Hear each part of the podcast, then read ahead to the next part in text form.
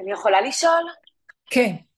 כן, כן, אוקיי, תודה. אמ, אוקיי, שמי קרן, אמ, ובעלון קראתי אה, על העניין שחלק מהדרך להיות בדרך זה להיות בחבורה שעושים את העבודה ביחד, ויחד עם זו יש גם מורה דרך לדרך. עכשיו, כשאני קראתי את זה באיזשהו זה לא מקום נהיה בי זה. כי... רגע, זה לא ביחד עם זה, זה הולך דבר אחד. אוקיי, חבורה רגע, שעושה, אני... אני... החבורה, החבורה שעושה, שעובדת, היא מקבלת הדרכה ממישהו, משהו. כן, אז אני אגיד לך מה השאלה שלי. שזה משהו שעשיתי במשך תשע שנים, ועבדתי עם קבוצה שעושה דרך, ועם מורה שנמצא שם. ואחד הדברים שהיו לי קשה זה לקבל מרות והנהגה, ו... וכשקראתי את זה שם, אצלך, אז שוב נבהלתי, כי יש לי בעיה שיגידו לי מה לעשות. עכשיו, תשע שנים עשיתי את זה ונלחמתי בעצמי, והשם הצליח את זה, אבל זה פתאום חזר שעוד פעם אני לא מוכנה שיגידו לי מה לעשות, כי נפגעתי. אז מה אני עושה עכשיו? זה חוזר? חמודה. איזה שאלה טובה, איזה כיף לשמוע. אני ממש צריכה עזרה בדבר הזה. אני מבינה אותך מאוד. תקשיבו, יש כל מיני חבורות, יש כל מיני דרכים. זה כמו שנגיד אה, תפילה. התפילה היא כלי. תלוי מה מתפללים, אפשר להתפלל להשם בשמיים, אפשר להתפלל מתוך נקודת הפגם, אפשר להתפלל, אה, זה תלוי, התפילה היא חרפיפיות, יש לה, היא כלי. מה, לאיזה מטרה הכלי הזה פונה? המורה דרך הוא תמיד חייב להיות. חייב להיות מורה דרך שמתחיל, כשאדם נכנס במשהו, הוא צריך לקבל. עם ישראל קיבל ממשה רבנו. להבדיל אלפי הבדלות, מסתם כל מורה דרך, כן? אני לא מדברת. עכשיו, זה לא משנה. התכלית שאנחנו יודעים מתי מורה הדרך הוא אמיתי ונכון לבן אדם, זה שזה יהיה כלל נקוט בידינו. יש כל מיני דרכים. אנחנו למדנו, ירדנו לדרך שרב אושר היה אומר, זה סוף כל הדרכים. זה דרך אחרת אין. מה הוא התכוון? ואז אני מרגישה שנתנו לי את האפשרות להסביר אותו כאילו תורה שבעל פה שלו. זאת אומרת, לקח את המילים שלו ולפתח אותם יותר ויותר, מאחר ועל בשרי חוויתי את מה הוא מדבר. מה יכולתי לומר? גם מתוך הכרה פנימית של עבודות קודמות, קיבלתי בקבלה,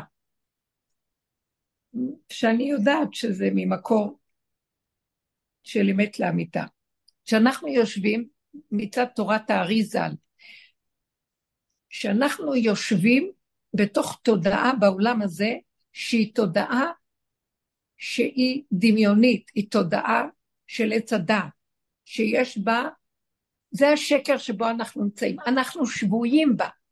אני רוצה שיהיה לך קצת סבלנות, ואני תקבלי את התשובה בתוך כדי הדיבור.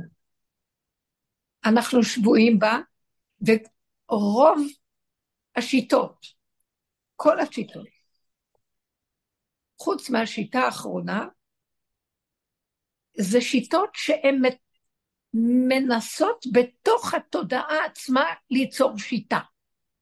כלומר, אנחנו מבררים מה טוב, מה רע, ואנחנו מחפשים שיטה טובה, שיטה שיכולים כל אחד למצוא הרבה עצות מעניינות בתוך תודעת העולם, שנראית סעיף שיותר קרוב לאמת, שיש בו הבנה נכונה, שיש בו עצה, שיש בו תושייה, והוא מתקבע בתוך מציאות העולם. ואז הבני אדם מקבלים, יש כל מיני שיטות, ואז כולם רוצים להגיע בסופו של דבר לאיזה משהו נכון וטוב, אבל השיטה שלהם להגיע לזה זה בתוך התודעה של הדמיון עצמו. זאת אומרת, מתוך הדמיון אנחנו יוצרים שיטה. בתוך הדמיון. דמיון האני, דמיון הישות, אנחנו כאילו בחלום, ובחלום אנחנו בונים לנו שיטה מעניינת כפי תודעת החלום שלנו, כי אנחנו חושבים שאנחנו ערים. הכל מלבד הדרך הזאת, שהיא הדרך של סוף כל הדרכים. מה עיקרה של הדרך? עיקרה של הדרך זה לצאת מתודעת עץ הדת, לעורר את הבן אדם, ולא לתת לו שיטה שבה הוא בתוך החשיבה יסדר לו איזו שיטה חדשה, אלא להוריד אותו מכל החשיבות, לשים פנס ולהגיד לו, תראה איך אתה חושב, צורת החשיבה שלך, שאתה רוצה להגיע למשהו, היא מוטעית בתכלית היסוד, לא תגיע לשום דבר. זה רק זמני מה שאתה רוצה להגיע. וגם כשאתה רוצה להגיע, ויש לך מורה דרך שיביא אותך לאן שאתה רוצה להגיע, תמיד יהיה גנוב שם איזה אינטרס, שהמורה דרך תמיד יהיה אחד שיוביל, ובאיזשהו מקום יהיה שם איזה גניבה בתוך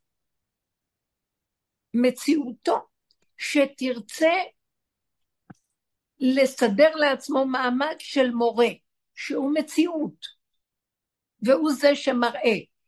ובאיזשהו מקום הוא ירצה, השיטה תוביל לכך שיהיה לו איזה ישות של מורה שרוצה להראות, ושהוא המוביל.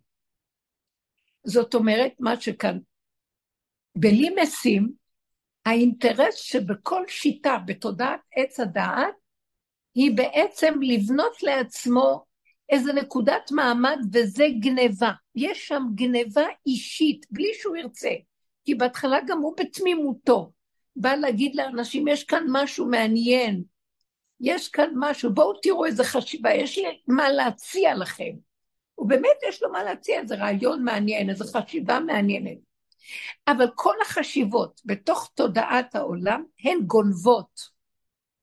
יהיה לו צער אם הוא לא יקבל את המעמד שלו, או כל דבר אחר שיכול להיות סביב הדבר הזה.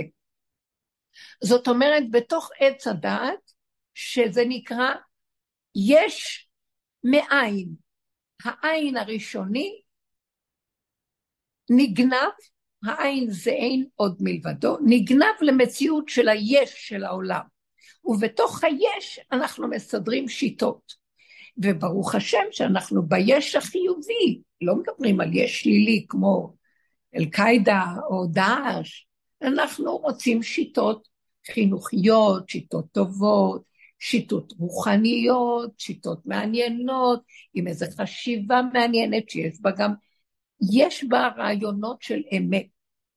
אבל תמיד זה הסוף, זה הנקודה, או הליבה והסוד של כל התודעות והשיטות בתוך עץ הדת.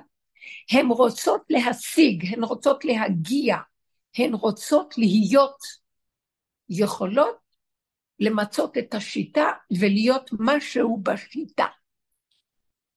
השיטה שאנחנו מדברים עליה היא לא שיטה, הדרך.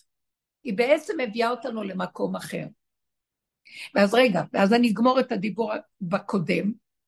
במקום הזה, כשבני אדם לפעמים מתעוררים אחרי שהם היו הרבה שנים במקומות, יכולים לקום ולהיות באכזבה נוראית ולעזוב. או שהם מרגישים שגנבו את דעתם פתאום, או שהם מרגישים שזה לא זה, או שיש להם איזו התנגדות פנימית שהם משמשים איזו מטרה למשהו שלא בדיוק מה שהם רצו, פתאום משהו מתעורר להם. ואז הם מתרכזים ומורדים בשיטה שלהם, ועוזבים עם טענה וטרוניה. הדרך שבה אנחנו מדברים עליה ואנחנו הולכים איתה זה בדיוק הפוך. אנחנו בעצם מבחינה, במקום הולך ומוסיף, הולך ופוחת. אנחנו באים ואומרים, תדעו לכם, הכל שקר פה. צורות החשיבה, צורות החיים שלנו. יש נקודת אמת תמיד סמויה בתוך כל הסיפור הזה. אבל כדי להגיע אליה, אנחנו לא יכולים עד שלא נפרק את הדמיונות של עצמנו. זאת אומרת, מורה הדרך פה, ככה רב אושר אמר, בדרך הזאת, מי שיכול להיות המורה דרך, המורה הכי גדול של הדרך, הוא האדם הכי פגום במציאות העולם, במציאות העולם שלו. זאת אומרת, ככל שהמורה יותר גדול, מדרגתו היא שהוא אפס יותר גדול. שמעתם? הוא מראה לבני אדם פה, חבר'ה, בואו אני אראה לכם איך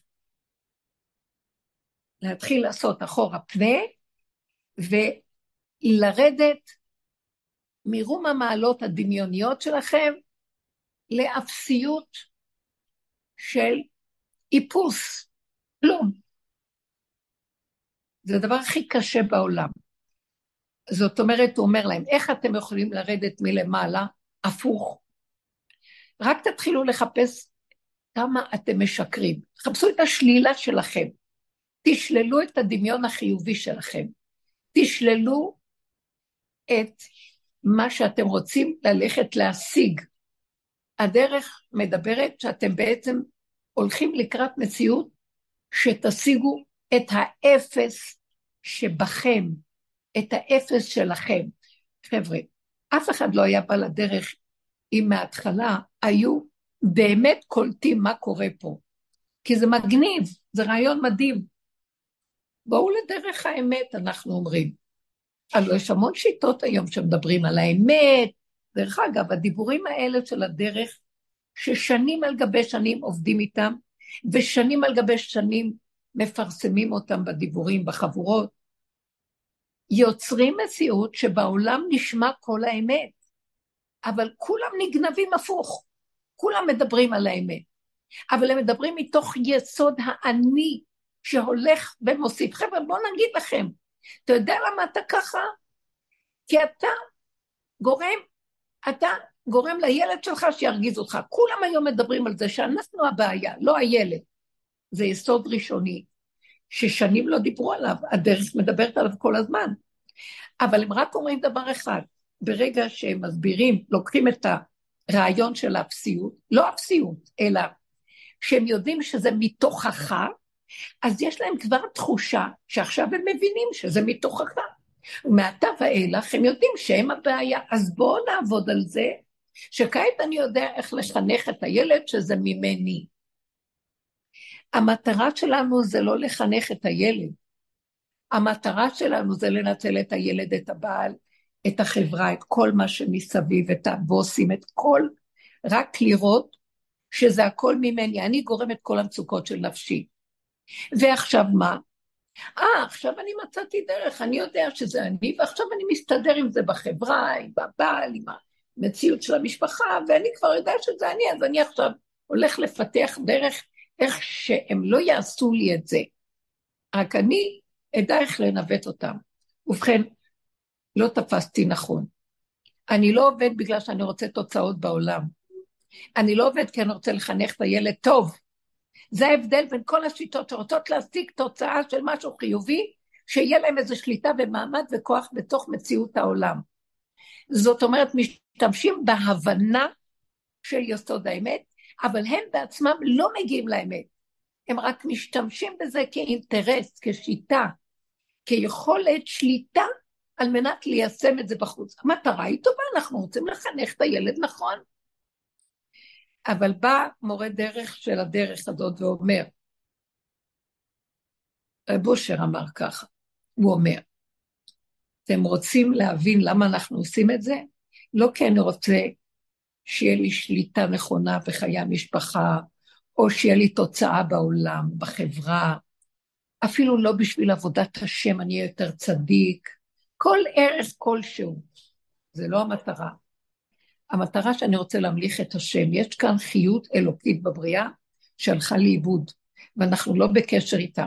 אנחנו העם הנבחר, שהוציאו אותנו ממצרים, ונגלו לנו מראות אלוקים, והראו לנו שאנחנו שייכים לרובד אחר מהעולם. מה שמפריע והפריע כל הזמן זה היה התודעה של עץ הדת, הגנב שיושב בתוכנו, האני העצמי, שהוא במקסימום שלו, מסדר לו ערכים חיוביים יפים, ואז אנחנו שם יושבים ועובדים את עצמנו עם כל מיני ערכים. ואז השם אומר להם, אבל אתם לא, אתם ממלכת כהנים וגוי קדוש, אתם משרתים את המטרה האלוקית. זאת אומרת, אתם צריכים לפרק את הדמיון של עץ הדת בעולם. ועל מנת לפרק את עץ הדעת בעולם, אתם תלכו ותחסרו. אתם תהיו עם שהוא הולך ומתמעט, הולך ופוחת, הולך וחסר. אתם תגלו את החיסרון שלכם, תגלו את השקר שיושב בתוכם, את עץ הדת גונב אתכם. אתם תהיו, נתתי לכם חוקים איך להתנהג בזה. תלכו פנימה ותצטמצמו, אל תלכו בדרכי העולם. כמו שאברהם אבינו צמצם את עצמו, כל העולם הולך בכיוון אחד והוא הולך הפוך, כך גם אתם, הוא היה היסוד של האומה. אתם תלכו ותהיו יותר קטנים, אתם תהיו בזויים מהאומות, אתם תהיו אומה שהיא הולכת ונכחדת, הולכת ומתמעטת, הולכת מגלות לגלות ומתייסרת, ובתוך זה אתם לא תתבלבלו, כי לא המטרה שתלכו ותגדלו ותהיו איזה אומה מפורסמת. המטרה שתגלו את השם בעולם. ואם אתם מתמעטים בצורה הנכונה, לא מתערבבים בעולם, והוא נתן לנו חוקים שלמים. ואתם נכנסים פנימה לתוך עצמכם, ומתמסרים בכל לבבכם ובכל מאודיכם, בכל נפשכם, למקום הזה שאתם יצאתם מנקודת מוצא אלוקית, ואתם תחזרו לנקודת המוצא האלוקית. העולם הזה הוא לא בשביל לשלוט פה ולהיות פה באיזה מעמד. העולם הזה בשביל להמליך את מציאות השם שיש כאן, חי וקיים בעולם, ואתם המפרסמים שלו. איך מפרסמים אותו? על ידי הכנעה שלכם הפרטית, האישית, והפיתול העצמי שלכם. על ידי זה שמישהו מרגיז אתכם, אתם מתמעטים אליו, ולא עונים, ולא מתווכחים ולא מתנצחים. ואם באה איזו אומה עליכם, אתם לא יוצאים להילחם איתה במלחמה של כוחי ועוצם ידי, אלא אתם צועקים אל השם, והשם יילחם לכם ואתם תחרישון. אתם תבינו שאם בא עליכם איזה אומה להילחם בכם, זה סימן שאתם התגרדתם בה. זאת אומרת שהלכתם עם הישות שלכם ונהגתם כמנהג האומות, להראות שאתם משהו, שאתם חשובים, שאתם גדולים, שאתם, אה, אה, יש לכם מעמד ועצמיות. או אז אני אגרה בכם את הכלב, והוא יבוא להילחם בכם. ואז תצטרכו לצעוק אליי. אבל אם אתם תישמרו ותלכו הלוך וחסור, כלומר, מה זה הלוך וחסור? תתמעטו מהגאווה, מהישות, מהדמיון העצמי של אני, כוחי ועוצם ידי, של המעמד הרוחני. גם זה שאני חיובי והשגתי איזה הישגים, אפילו ברוחניות הכי גבוהה. שגם אני משהו, אז ממה אני אחיה אם אני לא אהיה משהו? כי אני צריך להיות, גם כשאני אה, עושה מצוות, שיהיה לי מזה הרגשה טובה. והשם אומר, לא, אתם לא עושים מצוות בשביל להגדיל את עצמכם, אלא בשביל לקיים את המאמר של המלאכת השם. זאת אומרת, דרככם מתפרסם השם, אור ייחודי, קדוש, שברגע שפרסמתם אותי, מיד אני מפרסם אתכם.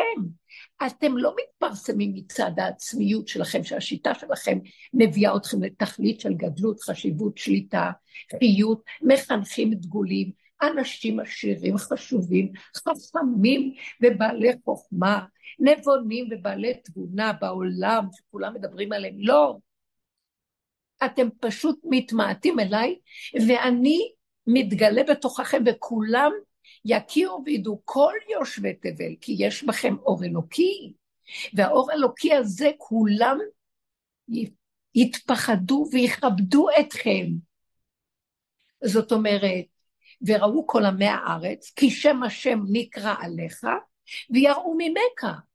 זאת אומרת, הם יתייראו וייכנסו למציאות שוואו, איזה עם מיוחד העם הזה, ואז במילה או באיזה תנועה הוא כובש את הנקודה שלו והוא לא צריך מלחמות והוא לא צריך התגרות ולא שום דבר של תודעת העולם. זאת אומרת, המורה דרך האמיתי פה של הדרך הזאת, הוא בא להראות לאדם, כשאדם נכנס לעבודה הזאת, לא הוא בא להראות לו איזו שיטה של אמת, הוא בא להראות לו את האמת. מה האמת? שאתה זבל אחד גדול, שאתה כלום אחד גדול, שקרן רמאי גונב. מספיק רק שאתה רוצה רק לדע, להבין את מה שכותבים פה. נכון, הבנה זה נחמד, צריך קצת להבין. זה לא צריך להבין. זה צריך לחיות את הדבר ולהיות את הדבר. גם אם לא הבנו. כי כשמבינים, אז נדמה לאדם שהוא הבין ועכשיו הוא נמצא בדבר, וזה גניבה. הוא צריך פשוט לחיות את הדבר. נכון, כי בהתחלה קצת מבינים, וזה מה שאמרנו. צריכים להתכנס בחבורות ולהבין את תהליך הדרך. אבל תהליך הדרך בהבנתו זה לרד אחורה ואחורה ואחורה. זאת אומרת, מה פירוש? שההבנה היא בזמן שאנחנו יושבים ומדברים בשיעורים כמו עכשיו. אחר כך, כשנגמר השיעור, או שנגמר הדיבור והחבורה מתפזרת, כל אחד יתחיל להתנסות, הניסיון מגיע. ומה יראה לו הניסיון? שלא הבנת כלום. בין מה שאתה חושב שהבנת, ברגע הניסיון אתה לא יודע כלום. עשית בדיוק הפוך מה שאתה יודע, ואתה לא יכולת אחרת. כי אתה כמו בצורה כפייתית, כבר אתה גנוב על ההבנה וגנוב על העולם השקרן שגונב אותך. זאת אומרת, כדי להגיע לאמת, שזה השם, אתה צריך לראות כמה אתה משקר, כמה אתה גונב, כמה אתה מקנא, כמה אתה שונא, כמה אתה מבוהל, כמה אתה כפייתי, כמה אתה חמדן, כמה יש לך תאוות, כמה, כמה וכמה וכמה. ואז מה? איך אפשר? מי רוצה לבוא לכזה דבר? אז אנחנו נצטרך דרגה ב', לא להישבר ממה שרואים. כי התכלית שלנו זה לא להיות חיובי וגדול, התכלית שלנו זה לא לכבוש עולמות ולסדר מעמד ביציע המזרחי, לא. התכלית שלנו זה ללכת ולחסור. אנחנו עכשיו במצב של מבול, מבול של ישות, גאות, כוחנות, כל התוואים מושפרצים החוצה עם גניבה נוראית. זה כמו המבול. מה כתוב? שנה שלמה המבול. ופתאום התחיל המבול להשתתק אחרי 40 יום. והמים, כך כתוב, הלכו הלוך וחסור. עכשיו, אנחנו בשיא המבול, ועכשיו אנחנו בתהליך של העבודה, באים לדרך הזאת, שמתחילים לעסוך תהליך הפוך. המים, אחרי המבול הנורא, ראינו מבול, הלכנו לאיבוד בעולם. בואו נלך הלוך וחסור, הסערה של המבול, הקלקולים, המים שטפו את הכל, בואו נלך פנימה, פנימה, פנימה. המים הלכו הלוך וחסור עד שהתגלתה היבשה. תבינו, היבשה הזאת זה מדבר. עכשיו העולם נחרב. כל ישות עץ הדת חייבת להיחרב. המורה דרך בעצם אומר לכם, חבר'ה, אתם הולכים להיכנס למהלך של הקרבת קורבנות, מבול שאתם צריכים להכיר את השלילה שלכם, רק כמה אנחנו משקרים, כמה אנחנו בעצם מדברים גבוהה, מבינים מדהים, אבל מי מוכן ללכת הלוך וחסור? מי מוכן שהחשיבות שלו תמות? שכל מה שנדמה לו שהוא, זה לא זה, זה דמיונו. כי רגע אחד מישהו מעליב אותו, אם הוא שותק ולא עונה, והוא אומר, בטח, השני צודק, אני כל כך מרמה את עצמי וגם את השני. איפה יש כאלה בעולם? אתם הבנתם? זאת אומרת, הדרך הזאת היא לאנשים שמוכנים לקבל את המכות של הפירוק. ולהקריב את הקורבן של האגו שלהם, טיפין אחר טיפין, כל פעם עוד חתיכה, עוד חתיכה, עוד חתיכה, עוד חתיכה, עד שנשארים מותשים, שאין חשק לכלום. לנשום בקושי, מה נשאר לבן אדם? כמו תינוק שיש לו אוכל בשנה, ופתאום הוא אומר, וואי, דווקא חיים די טובים. כל הסערה, כל השיגעון של העולם הולך ופוחד. החברויות הגדולות הצטמצמו לנו. כל הזוגיות המשוגעת של הוויכוחים והנצחנות, וכל אחד מנצל את השני בגחמות. הלכה והתמעטה, לא חייב להתגרש. תתגרשו מהדמיונות שלכם אחד על השני, זה מה שהדרך מציעה. לא חייב עכשיו ללכת לחנך את הילדים. תחנכו את עצמכם, שתפסיקו לחנך. גם את עצמכם יש לחנך, רק פשוט תצמצמו את אותו אני שרוצה כל הזמן להשיג משהו בשביל איזו מטרה נעלה וחיובית. אל תשיגו שום דבר. תהיו בלי הישגיות, הלוך וחזור וחזור. ההישגיות הכי גדולה זה ללכת לקראת האפס. שם אפשר להסתכל ולהגיד, וואי, בוא נגיד 80 אחוז, אני די אפס. האדם מתחיל לצחוק על עצמו.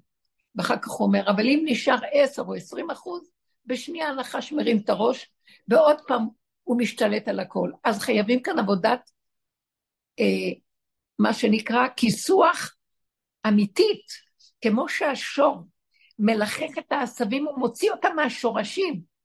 על היכוך של העשבים של השור, לכן הוא חורש טוב באדמה. הוא מוציא את כל העשבים הקדומים, הוא מלחך אותם ומוציא אותם מה... יש לו כוח משיכה מהשורשים. ככה אנחנו צריכים לעבוד. עד שלא יישאר, נשאר מה שנקרא מדולדלים, צרור עצמות בלו. בלו עצמיי בשאגתי, אומר דוד המלך. הוא מכיר ואומר, חטאתי נגדי תמיד.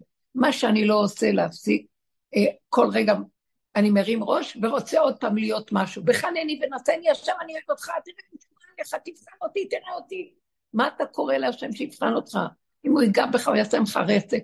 אתה אומר, אומר להשם, תיגע בי, תנסה אותי, תראה אותי, אני מת עליך, אני אוהב אותך. אז השם יראה לך שאתה קורא על עצמך תיגר. אתה מזמין את עצמך לניסיון הכי קשה. לא הם ולא שכרם. אל תביאני לידי ניסיון ולא לידי ביזיון, נפל בביזיון עם בת שבע.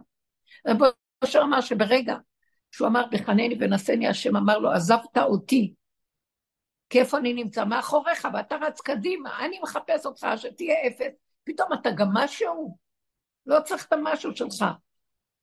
מי קורא להשם שיבחן אותו וינשא אותו? השתגעת? אז תישאר בכלוב שלך, ואל תחפש ניסיונות. ותדע שברגע שאתה במקום הזה, כל השכינה, כל האור של השכינה שנמצאת חבוי בתוכך, מחכה מתי תחזור אחורה, יתגלה עליך, והאור שלה יתגלה עליך. והיה אור הלבנה כאור החמה, ויכירו כולם שהאור של השם עליך, כמו משה רבנו, שקרנו פניו. כולם ראו שפניו קורנות, הוא בכלל לא שם לב לזה.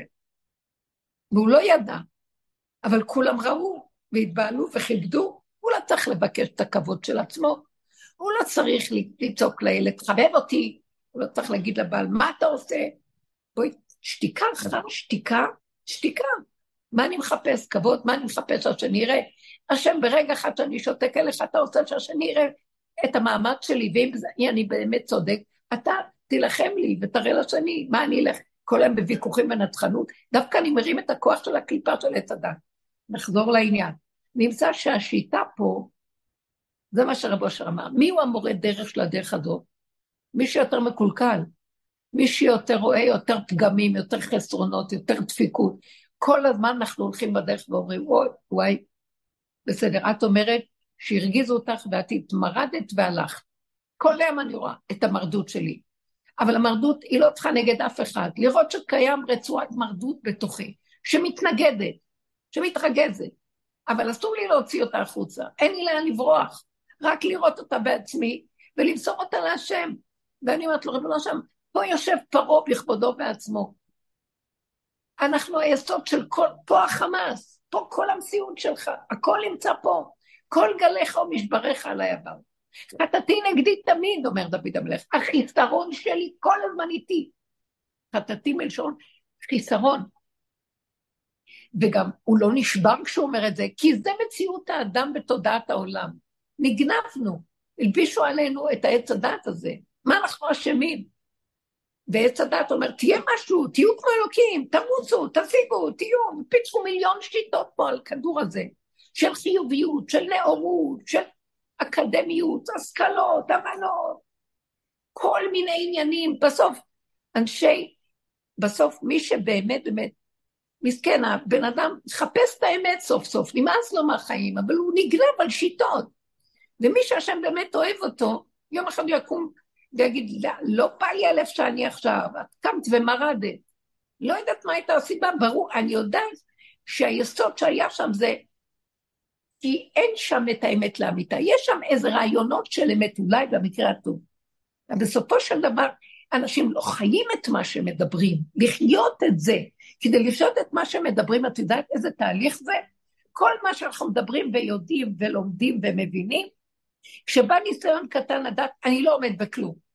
לחיות את מה שאני מדבר בשיטה, זה להגיע לחושך שאני לא יכול לקיים את השיטה. בדיוק האנטיתזה של העולם. קודם כל, כדי להגיע להיות את מה שמלמדים אותי, אני צריך לאבד במוחש את מה שאני יודע. כי באמת, אני לא יודע כלום, אני עובד את הדמיון של עצמי שחושב שהוא יודע.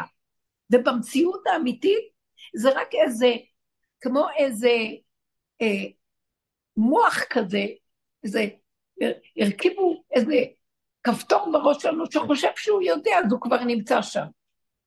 הרגליים במוח עפות בחלל, לא, אנחנו צריכים לקחת את המוח ולהוריד אותו לרגליים, ולהיות רק רגליים. רק כלי שפועל, מאיפה? מתוכנו תקום השכינה, האור האלוקי, שהיא תפעל דרכנו. זה לא עוד שיטה, זה כבר האור של השם. זה לא עוד שיטה מלשון שטות בעץ הדעת פה, מלא שיטות. לא, זה גילוי השם, אמת. זאת אומרת, הבן אדם מתחבר לאיזה מעיין נובע מתוכו, נחל נובע מקור חוכמה. יסוד השכינה שקיים ביסודו הפנימי, זה עץ הפוך. עץ הפוך, שהענפים שלו כביכול, השורשים נמצאים בתוכי, וכל מה שנראה לנו השמיים, זה הפוך כאן, הכל הפוך. השמיים האמיתיים הם בתוכנו, זאת אומרת, בתוך הארץ, פנימיות, פנימיות, פנימיות, מלכות אור אינסוף יש שם. לא בשמיים היא, אומר לנו הכתוב בפרשת ניצבים, ולא מעבר לים, ולא בארץ רחוקה.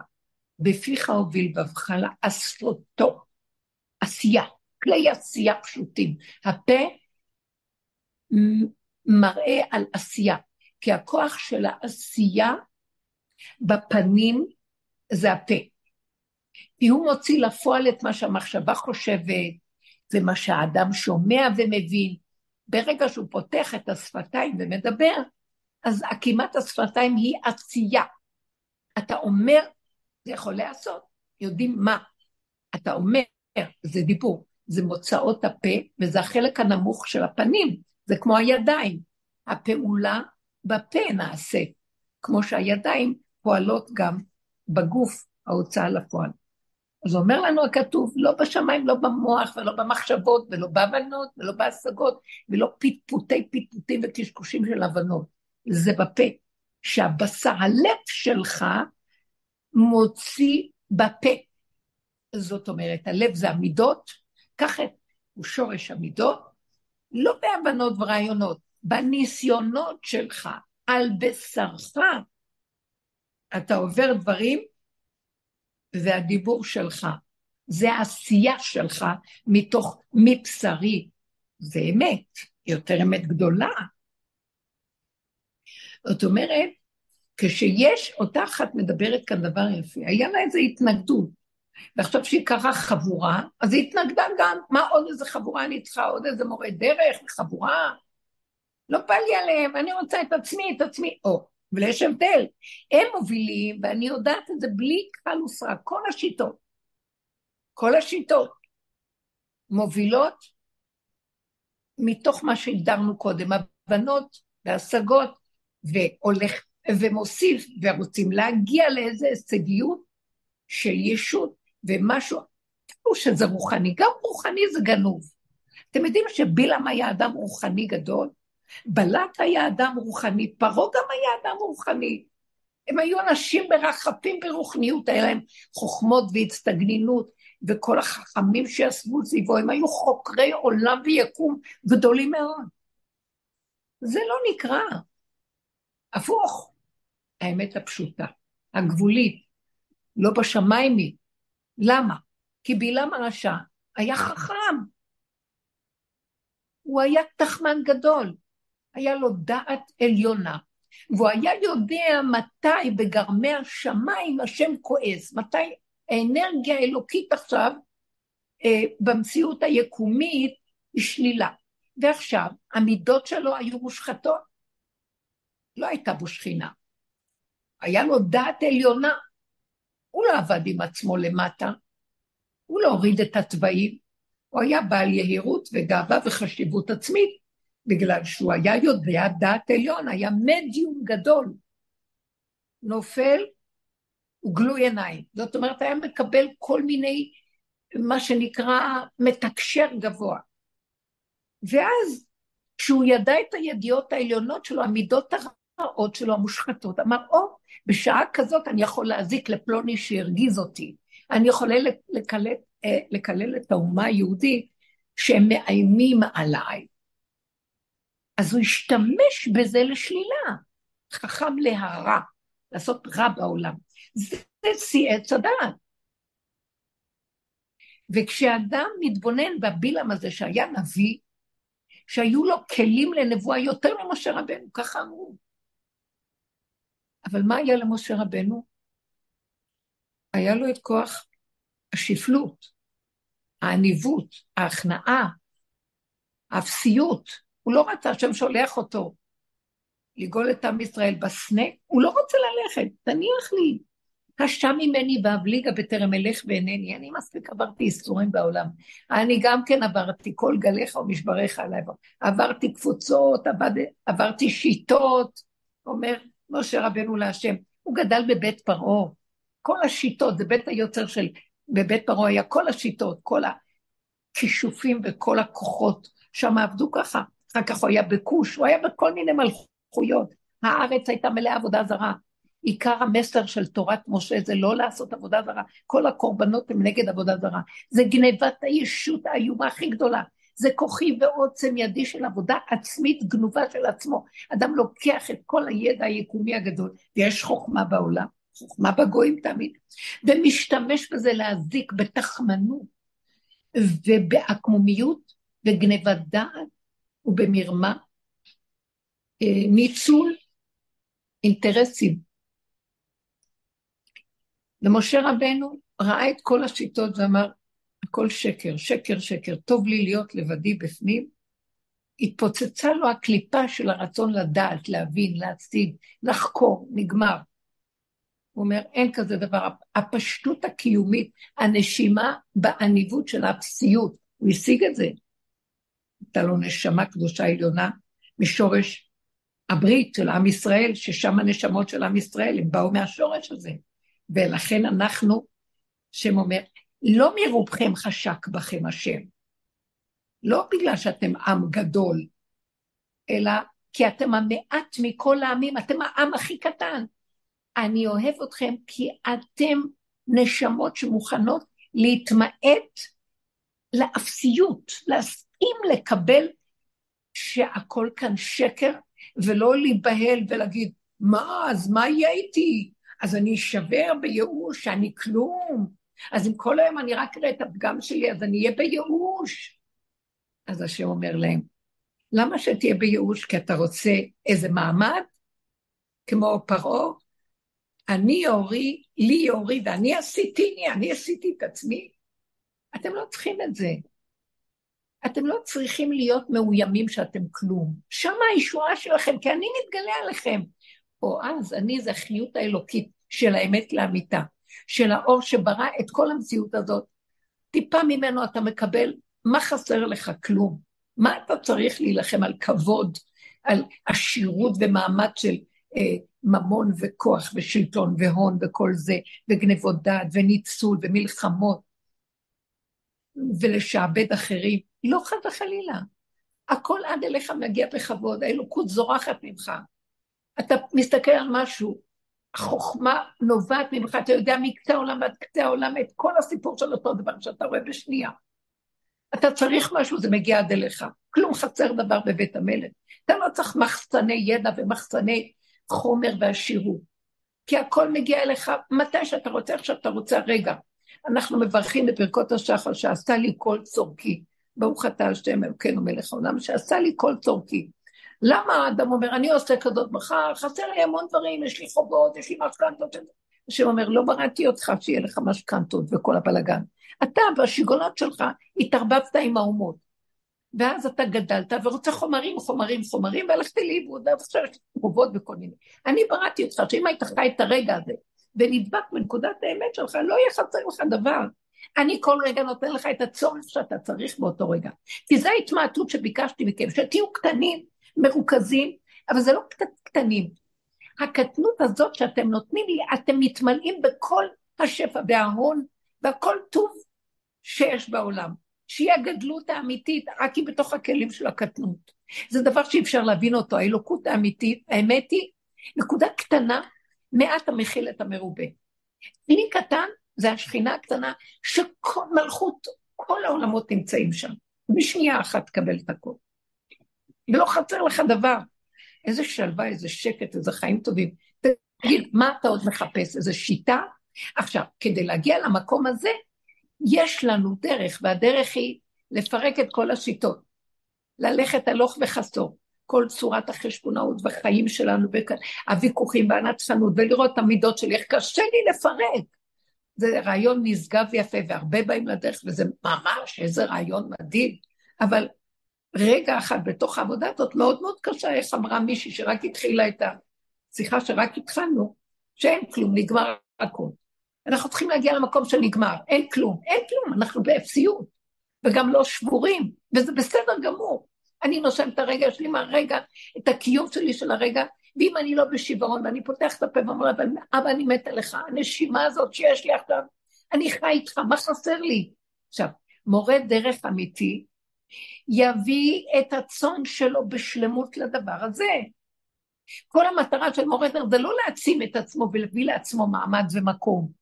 הוא לא מתבייש לגלות את הפגמים שלו ואת השקרים שלו, כי זה חלק מהעבודה, הוא משתף את כולם כדי שכולם נעבוד באותה צורה. הוא אומר להם, חבר'ה, אנחנו במצב בדיוק הפוך. הפוך. מי שיש לו את הפגם, דווקא מי שהולך ומספר איזה דבר של פגם, כולם דווקא מסתכלים ואומרים, וואי, זה יותר גדול, זה פושט יותר גדול. אם הוא רק יתפוס את הנקודה, אז זה בדיוק מה שהשם רוצה ממנו. תקשיבו. אז גם שאלה כאן מישהי את השאלה, מה כתבתי באלון על הגנב? ואני אסביר פה. כי עכשיו, אה, מתאים שאני אסביר את זה, כי זה למעשה מבשרי, לא סתם שאלה של הבנה, ואני, זה לא שיעורי הבנה פה, אנחנו משתמשים בהבנה.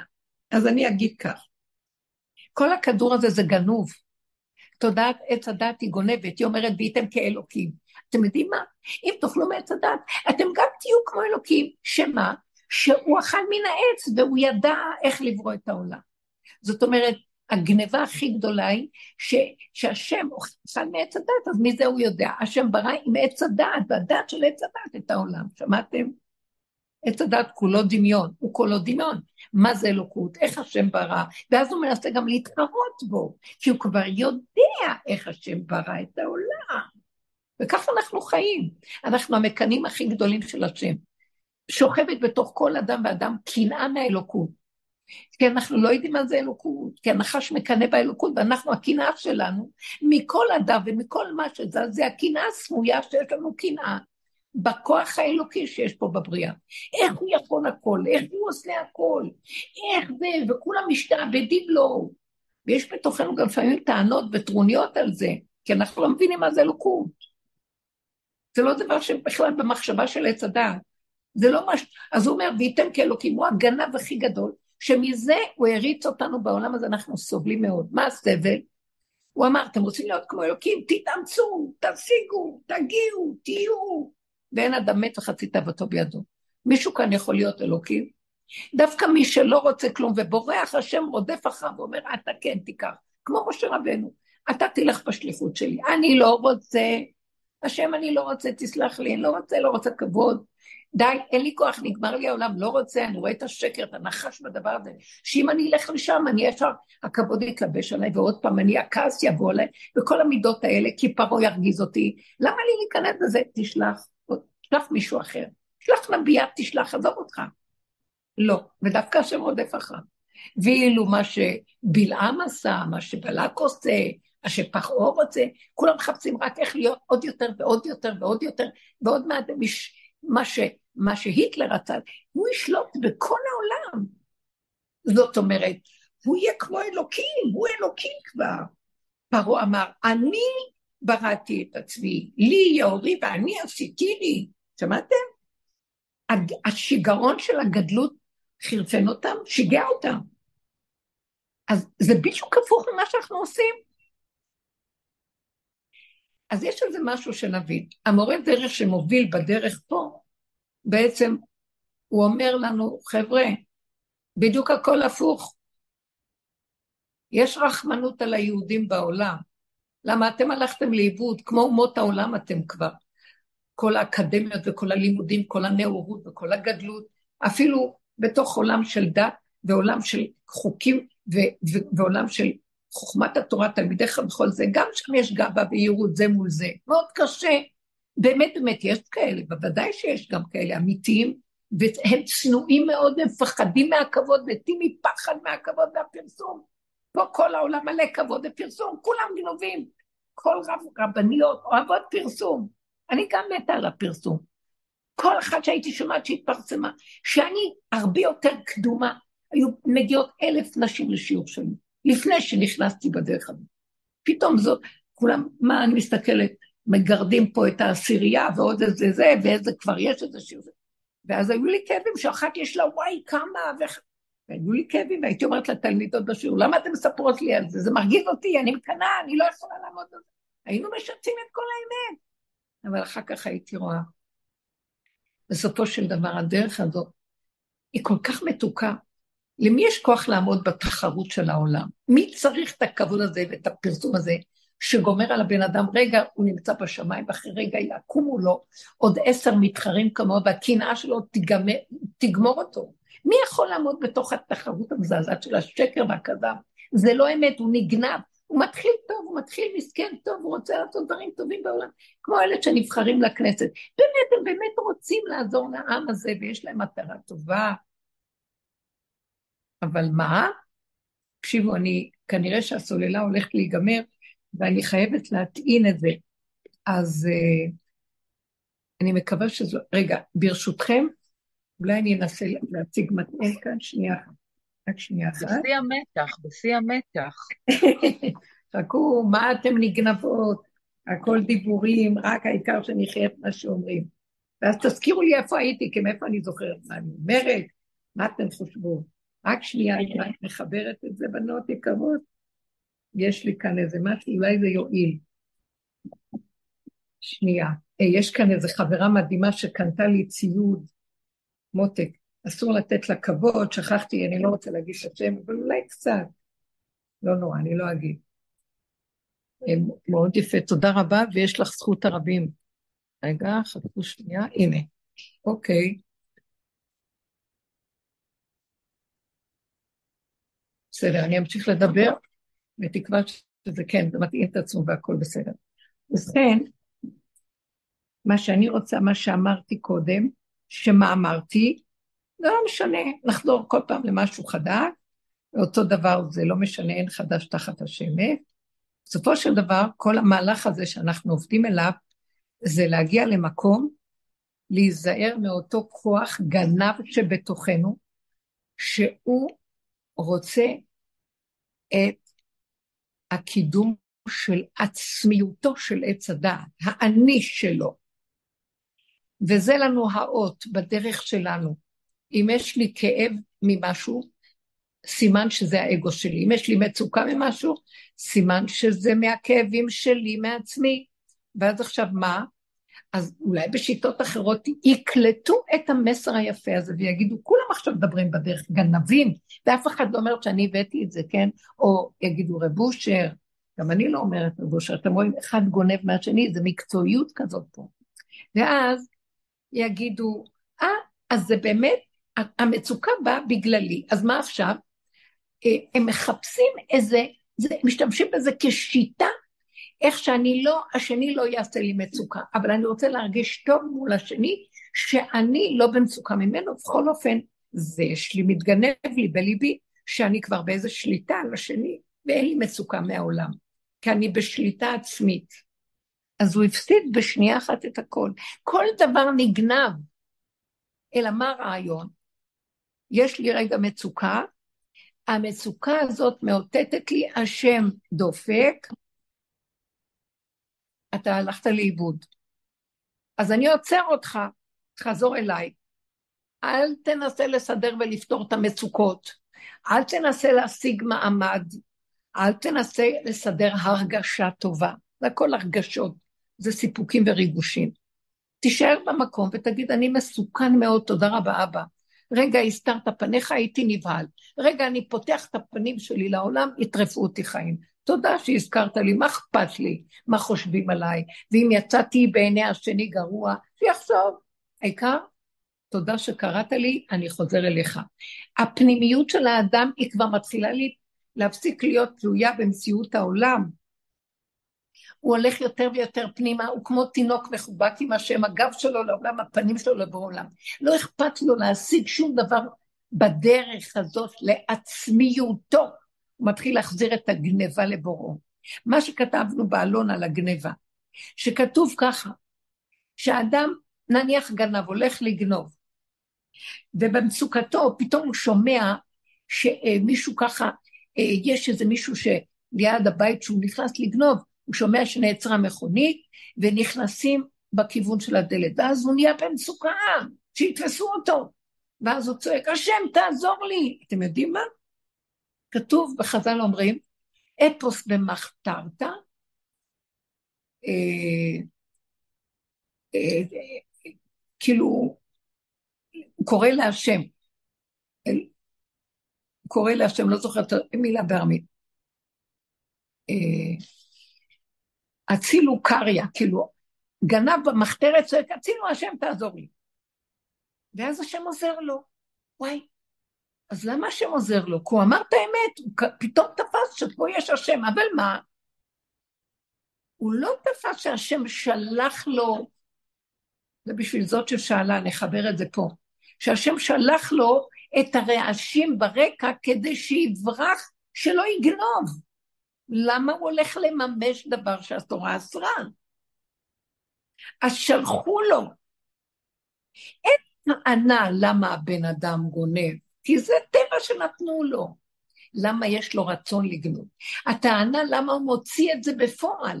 אז ישלחו לו עזרה לעורר אותו כדי שייבהל. אז מה קרה?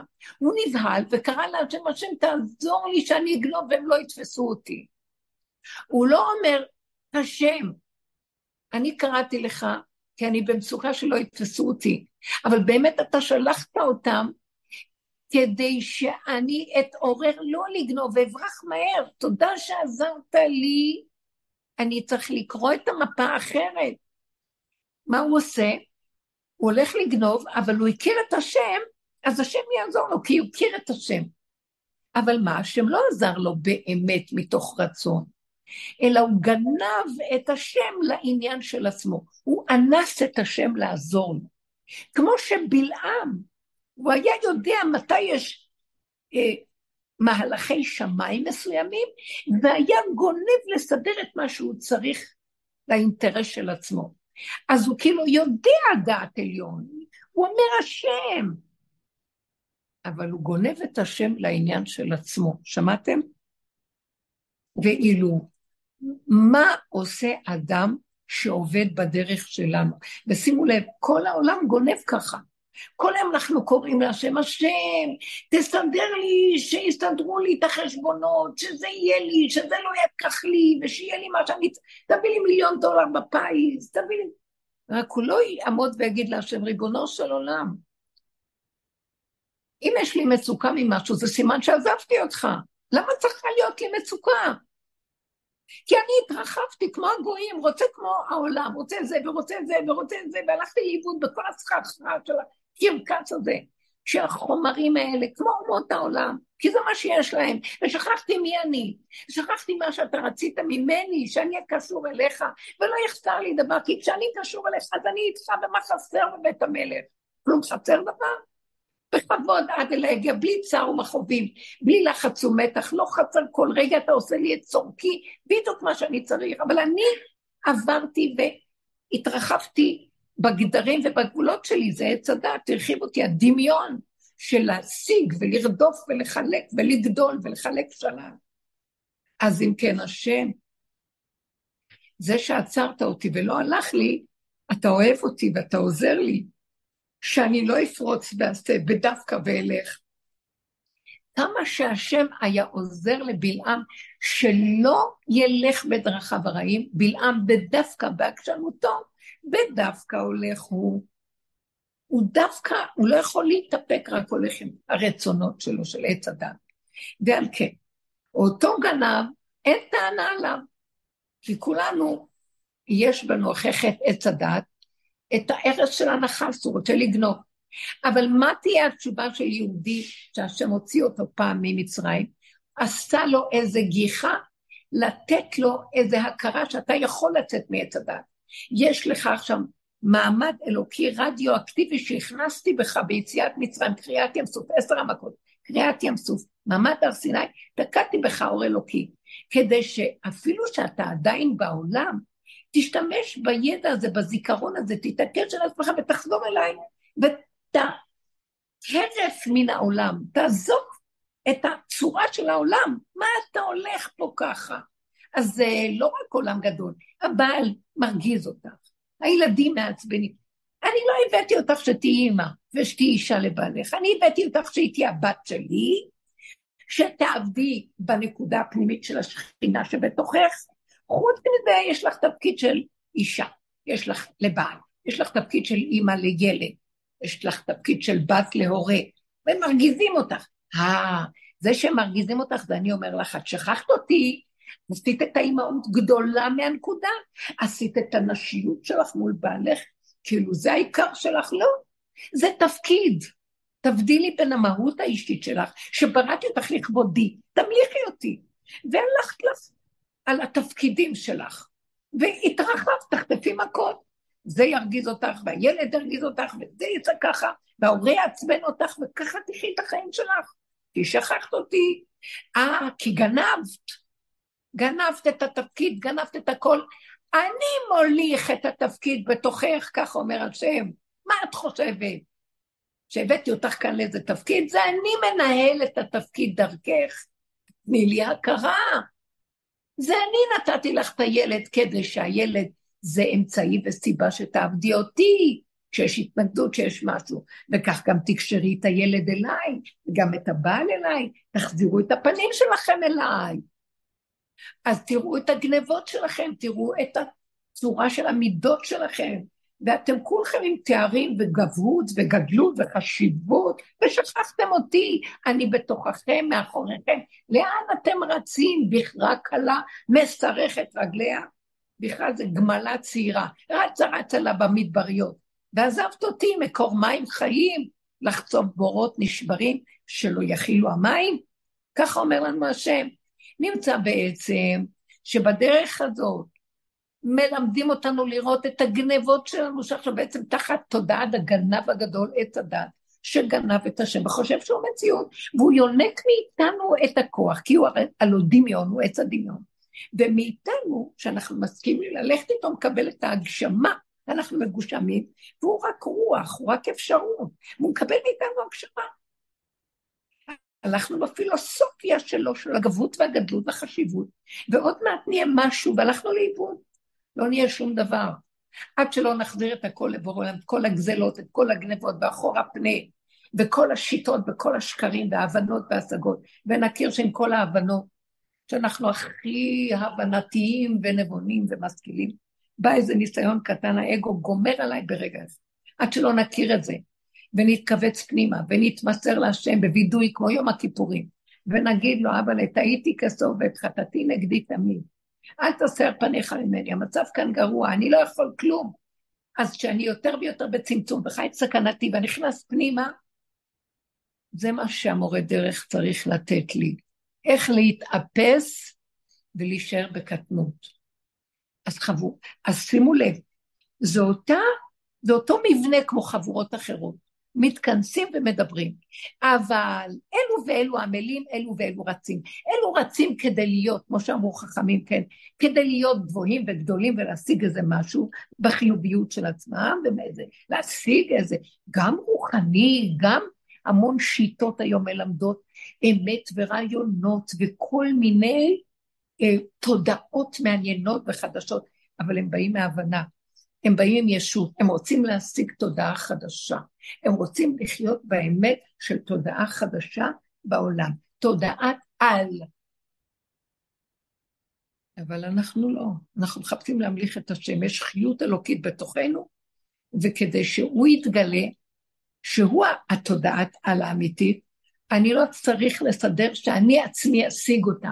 אני צריך פשוט לפרק ולהביא לו קורבן אחר קורבן אחר קורבן, את ההרכנת ראש ואת המרדות והעיקשות של הריצה קדימה, להביא לו אותה אחורה ולהגיד לו, חטאתי נגדי תמיד. כל היום אני רוצה לרוץ ולהיות בעצמי. אני רוצה להיות עצמאי בשטח ולא איתך. דוד המלך אמר, תבחן אותי, אני עצמאי בשטח, אני עובד אותך, אני יודע אותך. אמר לו, אתה עצמאי בשטח, עזבת אותי, אתה צריך להיות רק איתי, רק ממני החיות שלך, כי אתה נושם ממני. אז כאילו, אתה נושם ממני, הדופק ממני, כל החיות שלך ממני, אבל התודעה שלך גנבה אותך שזה אתה, רמאי. אתה עובד את עצמך, לא אותי. ואתה עוד רוצה שאני אנסה אותך, ושאני אתן לך ציון מאה. אתה עובד השם גדול, אתה עובד השד גדול. ככה היה אומר זה.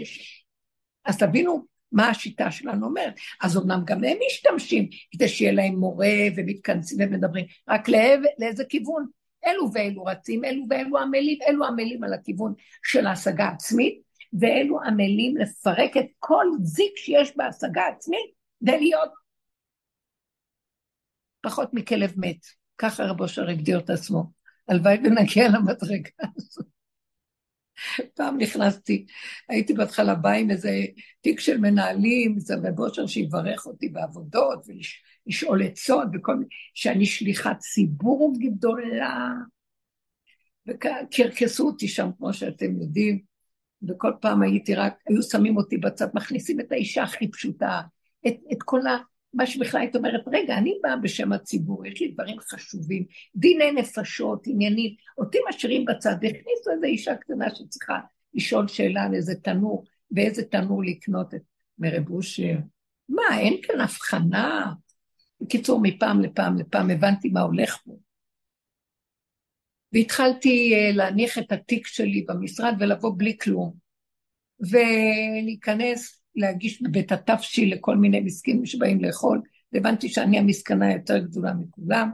ויום אחד הגדלתי לעשות, שכל פעם שמתי לעצמי שאני אבוא להתנדב שם קצת ללמוד מה זה הכנעה, הגדלתי לעשות ולקחתי מג"ב וסמרטוט, וגם התחלתי לשטוף את הרצפה שם אחרי שכולם הלכו. ואז פתאום נכנס הגבאי, ואני אומרת לו, היית הרי בקיא במה קרה לי? תראה, נהייתי פה סמרטוט, בצחוק כזה, בצחוקים. היא הסתכל עליי בשיא הרצינות, ואמר לי, נראה לך? ייקח לך עוד הרבה הרבה זמן להגיע למדרגת הסמרטוט. אל תתהדרי במדרגה שאין לך אותה. החזיר אותי ישר למקום שלי. כלומר, כולם הלכו שם אחורה, אחורה. אני חשבתי שאם קצת שתפתי, כבר הגעתי למדרגת הסמרטוט. הוא אמר לי, כדי להגיע למדרגה הנכספת הזאת, כלב מת, ופחות גם מכלב מת. עוד ייקח לך פה הרבה זמן. זה על הבשר נחתכים.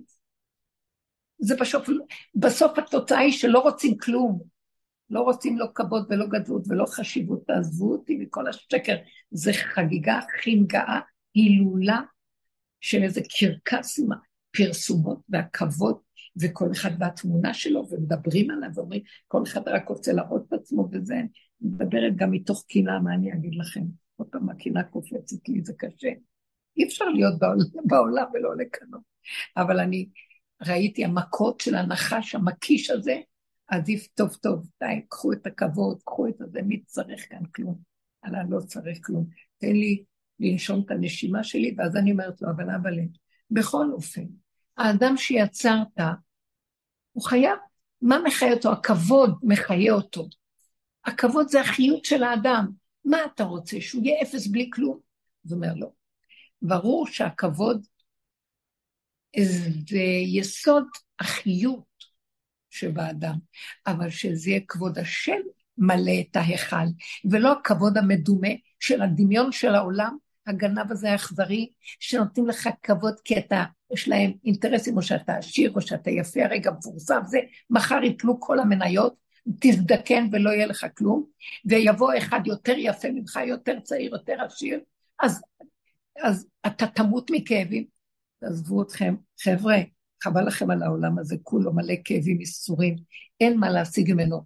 צער, רוגז ומכאובים. אמנם, ברגע שאתה תופס את הפגם שלך ומעלה אותו להשם בווידוי אמיתי, תפסת את הגניבה, תפסת את הקינה, ולא להתבייש להגיד, אפילו טיפה שבטיפה שנשארה, לך תביא אותה להשם, תגדיל אותה תחת זכוכית מגדלת ותגיד, וואי, איזה קנאה יש לי, איזה שנאה, איזה...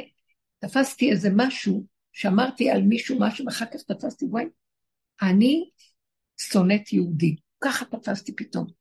ויצא לי כאלה צעקות להשם על הנחש הזה, שפיתה אותי ל- ל- להגיד משהו ולעשות איזה נקודה שאחר כך אמרתי, זה מראה שאת שונאת יהודי, את יודעת. ויצאו לי צעקות מזעזעות, שכאילו נמלקו לי העצמות רק מלהכיר את הדבר הזה ששונא יהודי. זאת אומרת, כל רגע, בתוך כל פעולה, יש משהו שקולט מי גם. המצלמה משוטטת אצלנו, אחורה פני. רשעות, כעס, שנאה, קנאה, רציחה, ניאוף, גניבה, חמדנות, נצחנות, וכחנות, נטרנות, מה לא? זה מה שהשם אומר. תביאו לי את כל הנקודות האלה. מאחורי כל נקודה כזאת של מידה רעה, שם יש שכינה מאיפה המידה רעה קיבלה כוח. מאיפה בלעם קיבל כוח? מאיפה פרעה קיבל כוח? למה השם רודף אחרי פרעה? תקשיבו, 600 רכב בחור שרודפים אחרי בני ישראל שיוצאים ממצרים ונכנסו לים סוף. 600 נבחרים, מה זה בחור? 600 הכי חיילים הכי מעולים שלו, נכנסים לתוך המים, והוא המעולה שבהם, הראש שלהם. כולם מתו במים, ורק פרעה נשאר. למה לא הרגת את פרעה? למה לא הרגת את נבוכדנצר? נבוכדנצר צריך להמליך את דניאל? אה, אחשוורוש צריך להמליך את, יוס... את אה, מרדכי הצדיק, להלביש עליו גלימה, דניאל הצדיק הזה, אה, פרעה הרשע הזה צריך להמליך את יוסף הצדיק? מה הולך פה השם? למה צדיק ימליך רשע? למה אתה נותן לרשעים האלה כזה מקום? והצדיקים אחר כך. כי הוא אומר לנו, אתם יודעים מה? אתם הצדיקים שעומדים אחר כך, רק אתם יכולים להוציא את בולעו מפיו. הוא גנב גדול.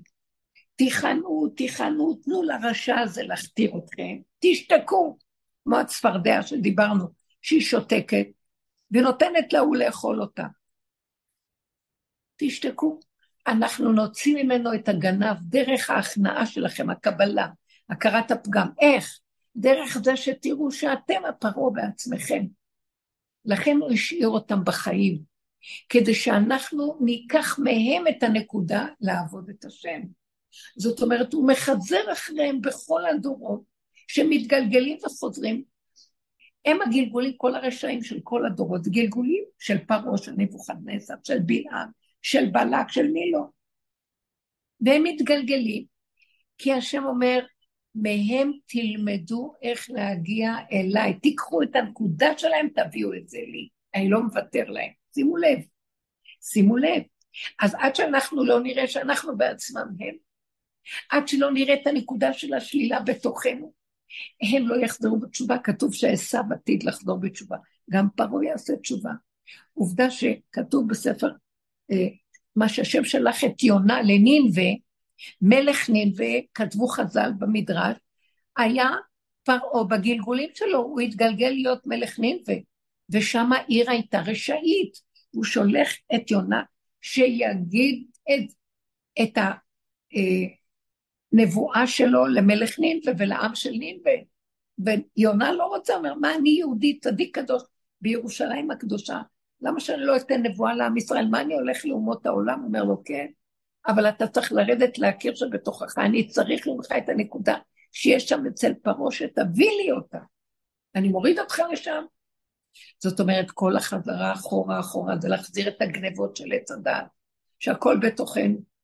עד שכשאנחנו מחזירים את הכל אל השם, כולם יחזרו בתשובה. תגידו לי, מאיפה אתם חושבים שכולם חוזרים פה בתשובה? מאיפה אתם חושבים שהולך עכשיו גל מאוד גדול של חוזרים בתשובה?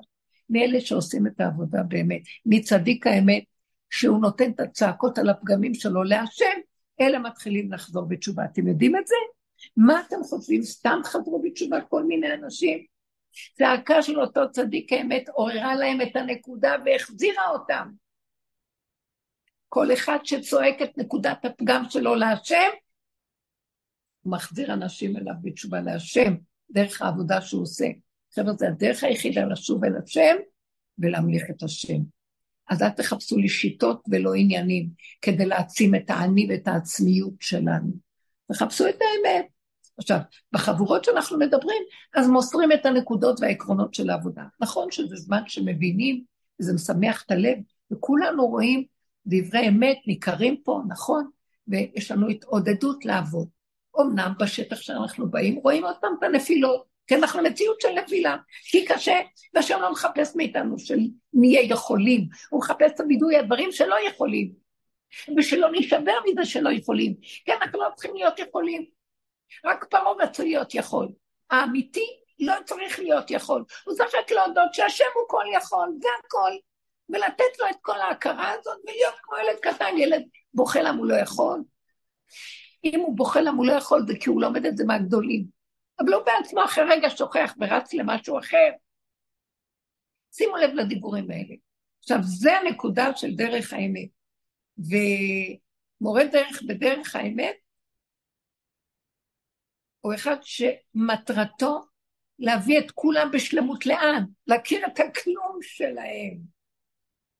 עכשיו, אותו אדם שמתמרד, בוא נגיד שיש חבורה של אמת, יקום אחד ויגיד, יאללה, לא בא לי, מה פה מדברים, מה זה השטויות האלה? אז אותו אדם שמתמרד ולא מוכן לקבל, הוא פשוט לא מוכן להודות באמת שקיימת בתוכו, מתמרד, כמו שפרעה מרד בהשם. הוא לא מוכן לקבל. אבל אותו אחד נניח, שאומר, כמו זאת שאומרת, הייתי באיזה קבוצה ועבדתי שם המון שנים ואיזה, ובסוף התמרדתי. למה התמרדה? משהו בנקודת האמת אצלה התעורר ואמר, אולי זיהתה שיש כאן משהו, אולי המורה דרך שם לא עושה את זה בכוונה, אבל בשיטה יש משהו גנוז. הרבה אנשים מתעוררים. איפה המקום הזה של הדרך שלנו? אם נתעורר, אז אנחנו נראה את עצמנו, לא את השני.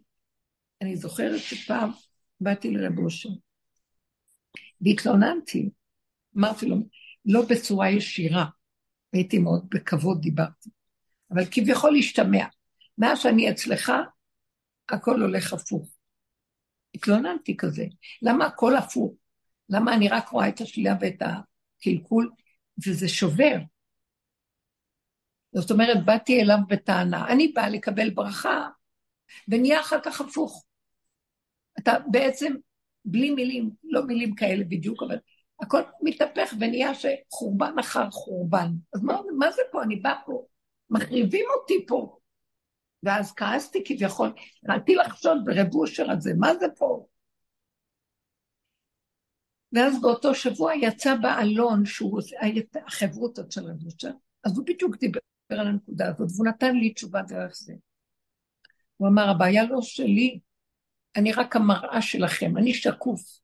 אני, אני בכלום של... שאני רואה את עצמי ואת הפגמים שלי, רגע, רגע, רגע. הוא היה צועק, אני קמצן, אני אין לי זה, אני ברגע אחד יכול להרחיב בכעס שלי, אני... אבל את כל זה הוא עבד ונתן להשם, הוא לא נשאר בשיוורון של זה. ואז הוא הלך והתרוקן מהישות שלו דרך הבידויים האלה. אבל אתם, שאתם באים אליי, אני שקוף.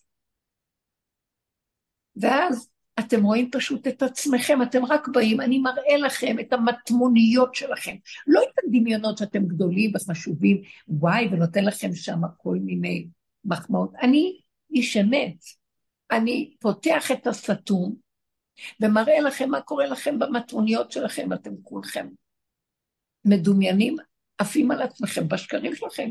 אתם גנבים, ויש לכם מידות קשות, ואתם מסתירים, ואתם משחקים אותה, ואתם אפילו לא יודעים, לא באתי בטענות, אבל לפחות תתעוררו להכיר. זה לא אני אשם לכם, זה אתם עם עצמכם. ככה הייתה התשובה. אני רק מראה, אני רק, אני רק מש, משקף לכם את מציאותכם. אז תבינו, הדרך הזאת מתחילה לשקף לאדם מי הוא. ואין טענה על אף אחד. ואם זה טענה למורה דרך, אז המורה דרך בעצם הוא רק המראה. כן, אני רוצה, לא להגיד, רוצה... אני רוצה להגיד משהו. אני יכולה להגיד משהו בהמשך לתשובה שנתת? כן. למה בעצם זה לא המורה דרך? אני שומעת כאן את כל התשובה. ב... רגע, זו אותה אחת. כן, זו אותה אחת. כן, אותה אחת, קוראים לי קרן. למה בעצם זה לא היה מורה דרך? כי אני, כשאני שומעת אותך עכשיו, ה- היציאה משם, אני זוכרת שהיא הייתה רגשית לא קלה, אבל זה פתח לי לראות את הגניבה שלי, את התחרותיות שלי, את הנצחנות שלי, את הקנאה שלי, אבל באמת מתוך הבסתר שלי, מתוך מקום ש, שמלהתנגד ולא לראות, ואז מלהיכנע ולראות. זה בעצם לא הם, זה לא היה הם.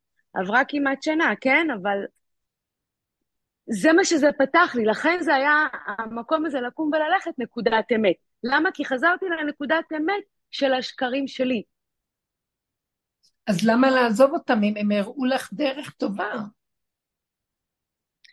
אה, כי באיזשהו מקום זה נגמר. אוקיי. אז בסדר, אם ראית השקרים שלך, אז מה המטרה? כן. שעדיין אני נמצאת במקום שאני לא אוהבת שאומרים לי מה לעשות. לא ראית מספיק טוב. אפילו שראיתי והודיתי וזה בפני השם, את כל המקום הזה? כן. ראית והודית, אבל כן. ברחת, ברחת מנקודה אחת. קודם כל, אף אחד לא אומר לך מה לעשות. בעבודה של האמת פה לא אומרים מה לעשות. נותנים לנו לא. נקודות. רגע, חכי רק רגע, וגם קצת אה, תורידי אף, מה שנקרא. אני שומעת מהקול שלך את המרדות. אל תברחי מאף מקום, זה חבל לך על הזמן. אם הכרת את כל הנקודות שלך, השלב הבא זה תעלי אותם להשם. לא לברוח, לברוח אל השם. השני רק הראה לך. עכשיו שראית את זה, תבר... כשאדם רואה את מציאותו, יש לו, הוא מקבל איזה שפלות מזה. אז עכשיו זה לא משנה אם הוא יעזוב את השני או לא. אם השני הראה לו את מציאותו, אני, אחרי שתפסתי מה שראיתי אצל רב אושר, אמרתי, זה הרבה שלי, בגלל שהוא מראה לי את הנקודה שלי, ועכשיו הבעיה היא שלי אם אני אתנגד למה שאני רואה, אז אני לא אוכל לעבוד שם. אני לא אוכל לעבוד להכיר את מה שהוא מדבר. זאת אומרת, כל נקודה שלילית שצפה לי והכאיבה לי, זה האגו שלי, זה המרדות שלי, זה העקשנות שלי, זה הכעס שלי והשנאה שלי. ואני לא רוצה לראות אותם, כי זה מכאיב לי. למי זה מכאיב? לגדלות שלי. שלא רוצה שם פינוק, לא רוצה לי למה. אוקיי. אם אני לא רוצה, וזה מאוד יפה מה שאמר, כי באמת השם לא רצה שאף אחד יגיד לאף אחד כלום, הוא לא ברא אדם כזה בכלל. אבל בגלל שהתרחקנו, אז הוא נותן לנו מורים שיעזרו לנו. עכשיו, ברגע שהוא תופס מהמורה את הנקודה, שיהיה המורה של עצמו, אבל שיהיה באמת. מאחר ואנחנו פה לבד בעולם, יכולים ללכת לאיבוד, גם אם תפסנו את האמת, צריך להיות במדרגה של כזה ביטול והכנעה של אפסיות של למות, שלא רוצים כבר כלום בעולם, על מנת שיש שם גילוי השם, ואדם הופך להיות בפני עצמו איזה כוח פנימי. אפילו הנביאים ואפילו החכמים הגדולים שהם עבדו את השם באמת, כמו שאנחנו מדברים, גם הם התאגדו באגודות, והיו צריכים להיות בתוך מציאות של אנשים שהם יעזרו להם כל הזמן אחד את השני, איש את רעהו יעזור, לא ללכת לאיבוד, כי בשניות הולכים פה לאיבוד. אנחנו לא במגרש הבית שלנו, זה עץ הדעת פה. אז uh, בכל אופן ההתכנסות היא טובה, וכשאדם, החכמים היו שומעים, וישבו חכמים, גדולים מאוד, בבית המדרש, וכשחכם אחד אמר, חוכמה יותר גדולה משלו, כאשר יש מה שנקרא אדם שיודע את האמת הנכונה, לא סתם מקשקש, הוא היה צריך לעבוד מאוד קשה להכיר שלשני יש אמת יותר גדולה ממנו, ונכנע לה. צריכים את החבורה, צריכים את הסביבה, צריכים את האנשים מסביב. בואי תגידי, לא צריך חבורה לרגע, לשיעור, אבל אחר כך הולכים בעולם. צריכים את האנשים שיעוררו לי את מציאותי כמראה על מנת שאני אראה איפה אני, וזה הקשר שלי להשם. אז אם אני בורחת מכל העולמות, אז מי יראה לי? אני אלך לאיבוד. אני אומנם צריכה כן להיזהר, לא להיות סתם בעולם. ואדם כזה שהוא באמת עובד, הוא לא צריך עולם גדול כדי לחטוף מכות לראות את עצמו. המראה שלו מתחילה להיות קטנה. גם הוא בעצמו עם מחשבתו מספיק מראים לו את מציאותו. אבל הוא רואה, וכל הזמן הוא עושה תהליך של שיבה לאחוריו. משה רבנו עם כל עבודתו, גם הוא נפל וקם עוד פעם, שהוא ראה את עצמו מחדש, וחזר עוד פעם. למה הוא נשאר בתוך עם ישראל? כי עם ישראל יראו לו את עצמו, יראו לו את הקוצר רוח שלו, שהוא היכה את הסלע במקום לדבר. ומכל הסובב שיש לנו כל הזמן, יש לנו נקודה מה לקחת. האדם הזה שנכנע ומבין, הוא לא צריך ללכת אחרי דמויות, הוא צריך לקחת נקודה של אמת שהדמות נותנת לו, אבל הוא צריך את הנקודת אמת ולעבוד איתה, וזה הורדת ראש, אחרת זה מרדות, וזה בריחה, אז אין כאן כלום. דיברנו היום הרבה על הנקודה הזאת, וכל העיקר והתכלית בזה לסיכום של העבודה שאנחנו מדברים, היא באמת הורדת הראש של הגדלות והגאווה. זה מה שהשם אמר לבני ישראל במצרים, לקחת את הטלה, שהוא בחינת הרמת ראש ומרדות ועקשנות ושליטה וכוח, ולקשור אותו למיטה, למט, למטה, להוריד אותו למטה, למטה. להוריד את הראש הזה של הישוב, עד כדי שנשחוט אותו. הכינו אותו ארבעה ימים, כדי בסוף לשחוט אותו קורבן פסח. זאת אומרת שבלי להוריד את הראש הזה, אנחנו לא יכולים להתקלל בראש האמיתי, שזה גילוי מלכות השם, אור אינסוף שמתגלה פה בעולם פה. ואנחנו צריכים להיות כלים שדרכם האור הזה יתגלה. ונכון, אין לנו כוח לסבול מצוקות וייסורים ומכות. אז האדם החכם, מצוקה הכי קטנה, מבין שהשם מראה לו שזה קשור אליו, ושלא יתרחב, וייכנע, וימסור את הכל לבוא עולם בדיבור דברים, גם בינו לבין עצמו ברגע אחד, בתוך הפנימיות שלו. אבא זה הכל אתה. יוריד ראש, ישתוק. אין לו פה לצפצף, אין לו מצח להרים. אבא, זה אתה. אני לא עומד בשום ניסיון כאן. תתגלה עליי, תעטוף אותי, כגמול עלי אמו, כגמול עלי נפשי. האדם שעובד באמת, גם אם יגידו, יבוא מישהו ויצעק עליו ויגידו לו, והוא שותק. יש הרבה שתיקה. בגלל שהשתיקה זה הכרת האמת, נכון, מה שאתה אומר נכון. אם אני מתנגד, סימן שיש לי עוד כוח של נחש בפנים ומרדות, ולא יעזור כלום. כל כוח התנגדות שמרגיז אותי, זה הנחש שבי. אני צריך להכניע ראש ולהודות ולהעלות את זה להשם, כי אני לא יכול לו אם אתה לא תעזור לי. כי כל הזמן הוא אורב לי כמו זבוב, ואני רק בשר ודם, ואין לי כבר כוח. תששו כוחותיי מהמלחמות והעבודות, ואני לא במגרש הבית שלי פה, כי גר אנוכי בארץ, והוא כאן יושב לו, זה הבית שלו, ואני מועד לחטוף ממנו מכות. אין לי כוח למכות, על כן, ריבונו שלם, תכניע לי את הראש אליך, תן לי הורדה, תן לי להשלים, לקבל, להתמעט, ולדבר איתך שטוב יום בחצרך מאלף, בחרתי להסתופף בבית אלוהי מדור בעולי רשע. יותר טוב לי רגע אחד של אמת איתך בצמצום הפנימי מכל הבלי העולם הזה וכל התחרות, הפרסום והשקר של הכבוד הגנוב. רגע אחד של שלוות הנפש בתוך הרגיעות האמיתית שאנחנו נושמים את הפשטות הקיומית שווה לי את כל העולם מכל מנעמי ואבלי שקרי העולם. אנחנו צריכים להיגמל מזה ולהיכנע למלכות שמיים שיורדת עכשיו.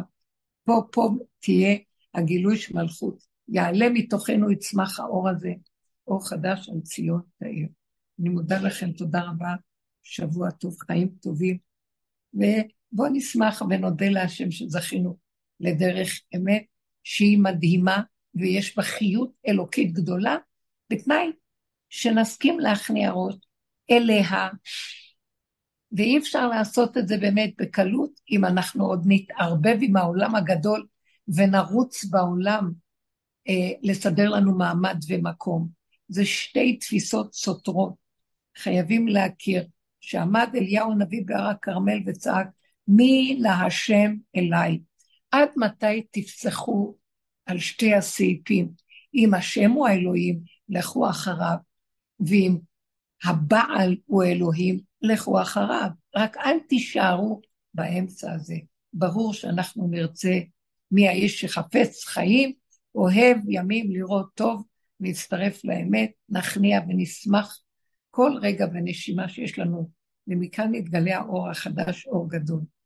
וכבוד האדם שהשם בתוכו, כבוד השם, לא יאחר לבוא. יהיה כבוד, ויהיה שמחה, ויהיה שפע ועשירות, ויהיה אהבה שאינה תלויה בדבר, ואחדות ושלום, איש תחת גפנו ותנתו, וזה כבר קורה ברמה הנפשית הפנימית, בלי כל הדימויים החיצוניים, האדם מרגיש שלא חסר לו דבר, רגע, רגע, כמו שזאת שהתחילה את השיעור, נראה לי שזה היה אולי גל, שהכל נגמר, כלומר כל התחרות החיצונית ונשאר רק נקודת אמת פנימית, לחיות בה וליהנות ממנה. משם בוקע האור החדש שמפציע. תודה רבה לכם, שבוע טוב. אמן, תודה רבה, שבוע טוב.